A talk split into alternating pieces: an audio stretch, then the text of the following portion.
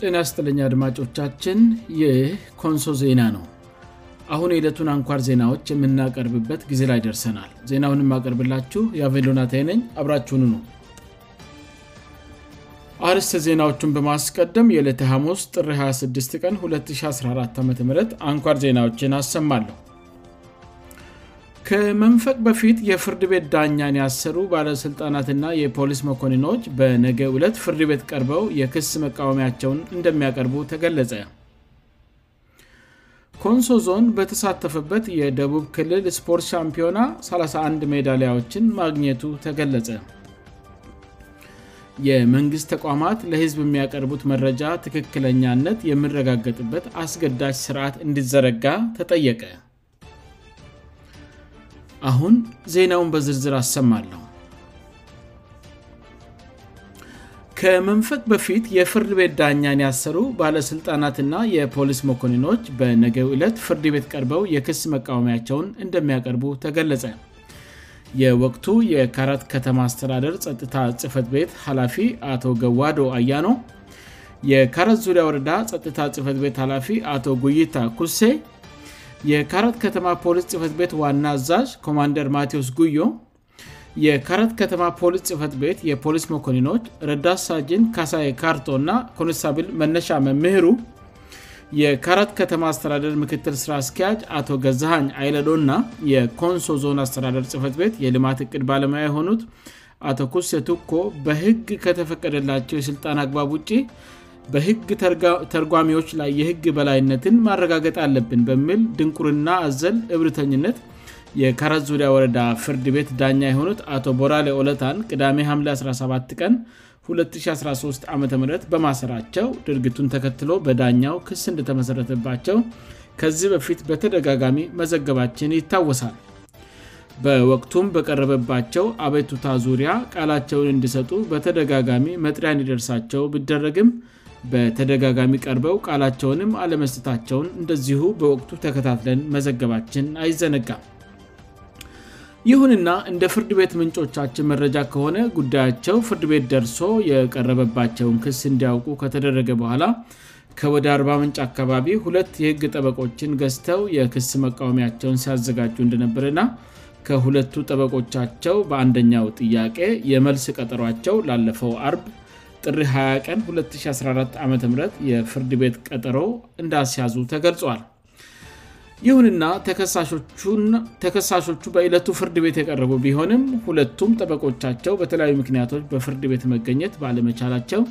የክስ መቃወሚያ መልሳቸውን ማቅረብ አልቻሉም ተብሏል ቀጠሮው ጥሪ 20 እንዲደረግላቸው የጠየቁት ጠበቃቸው ፈደራል መስሪያ ቤት አካባቢ ባላቸው ቀጠሮ ምክንያት መቅረታቸው የተገለጸ ሲሆን ሁለተኛው ጠበቃቸው ደግሞ በጤና እክል ምክንያት ፍርድ ቤት መገኘት ባለመቻላቸው መከላከያቸውን ማሰማት አልቻሉ ጉዳዩ ከመጀመሪያም ብዙ እየተጓተተ የመጣ ከመሆኑ አንጻር ፍርድ ቤቱ ለአንድና ለመጨረሻ ጊዜ መከላከያቸውን ለነጌ ጥሪ 27 ቀን 2014 ዓ ም እንዲያቀርቡ ፍርድ ቤቱ ውሳኔ አስተላልፈዋል በዚህም መሠረት ከላይ በስም የተገለጹት በመንግስት ሥልጣናቸው ከህግ አግባብ ውጭ ዳኛውን ያጉላሉት ግለሰቦች በነገው ዕለት ለመጀመሪያ ጊዜ ድርጊቱን ስለፈጸሙበት አግባብ መከላከያቸውን ያቀርባሉ ተብሎ ይጠበቃል በተጨማሪም ጠበቆቻቸው በነገው ቀጠሮ ላይም መገኘት ካልቻሉ ተከሳሾቹ ባለሥልጣናት ያለ ጠበቃ መከላከያቸውን እንዲያቀርቡ ፍርድ ቤቱ መወሰኑም ተገልጿል ይ ኮንሶ ዜና ነው ኮንሶ ዞን በተሳተፈበት የደቡብ ክልል ስፖርት ሻምፒዮና 31 ሜዳሊያዎችን ማግኘቱ ተገለጸ በቅርቡ በተጠናቀቀው ና የኮንሶ ዞን በተሳተፈበት የደቡብ ክልል ልዩ ልዩ ስፖርቶች ሻምፒዮና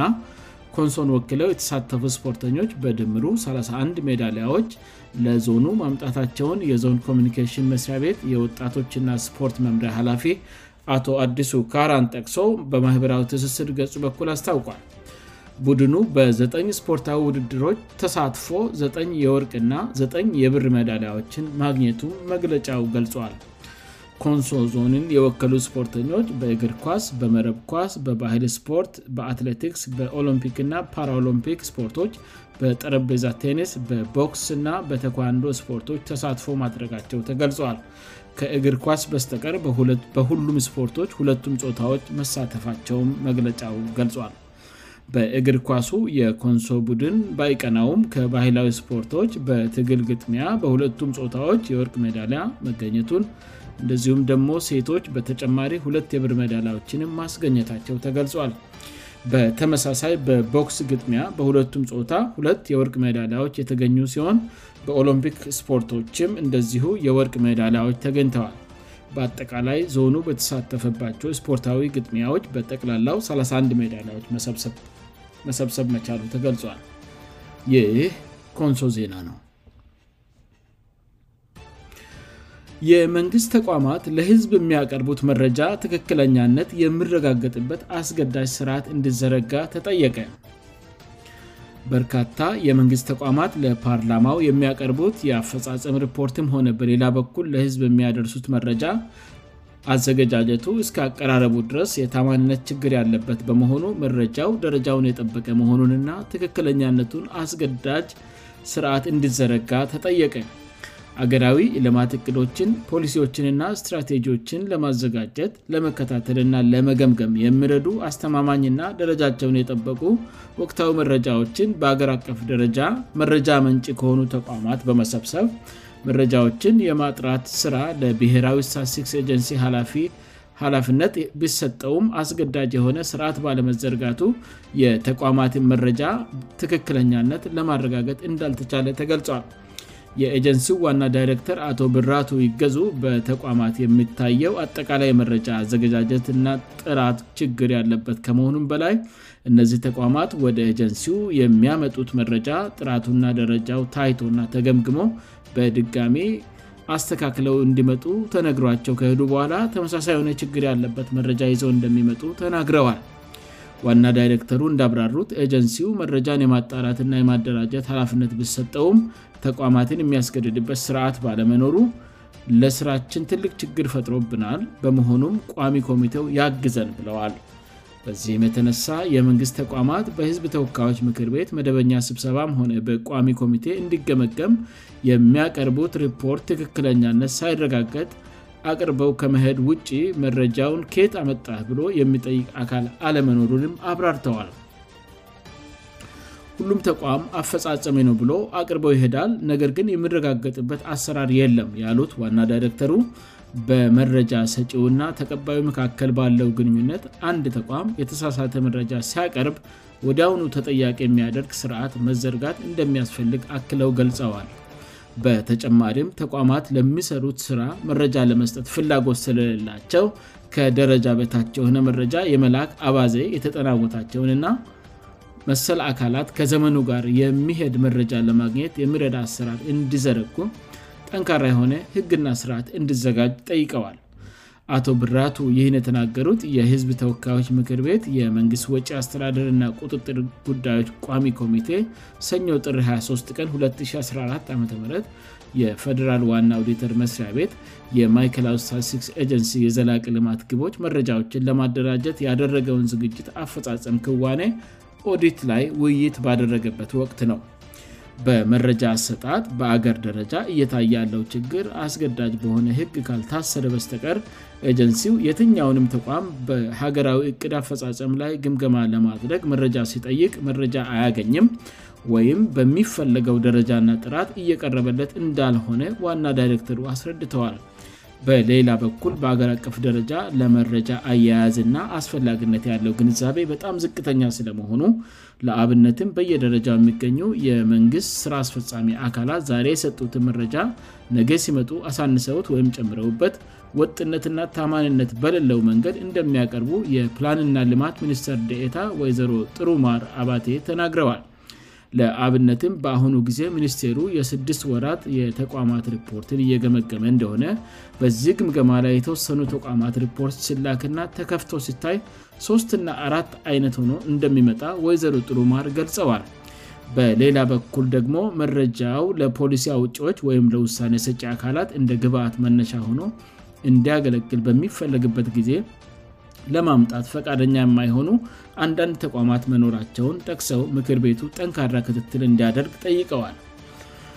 የፈደራል ምክትል ዋና ኦዲተር ወይዘሮ መሰረት ዳምጠ በበኩላቸው የኤጀንሲውን የኦዲት ሪፖርት አስመልክተው በሰጡት አስተያየት የማይከል አውስታሲክስ ኤጀንሲ በኢትዮጵያ ተቀባይነት ያላቸውና በተባበሩት መንግስታት ድርጅት እንደ አውሮፓ ዘመን አጣጠ ከ2016 እስከ 230 ድረስ ድህነትን ጨርሶ ማጥፋትንና የአየር ንብረት ለውጥን መታገል የሚሉ እቅዶች የተካተቱበት የዘላቂ ልማት ግብ አፈጻጸም ላይ ወጥ የሆነ አመላካች አስተዳደራዊ መረጃ አለመኖሩን ተናግረዋል ወጥ የሆነ ሥርዓት ባለመዘርጋቱ ምክንያት አገሪቱ ተስማምታ ቃለ ግባችባቸውን ዓለም አቀፍ ስምምነቶችን ለመገምገም ከባድ ከመሆኑም በላይ በ230 አስመዘግበዋሉ ብላ ያሰበችው እቅድ ላይ ለመድረስ አስቸጋሪ እንደሆነባትም አስረድተዋል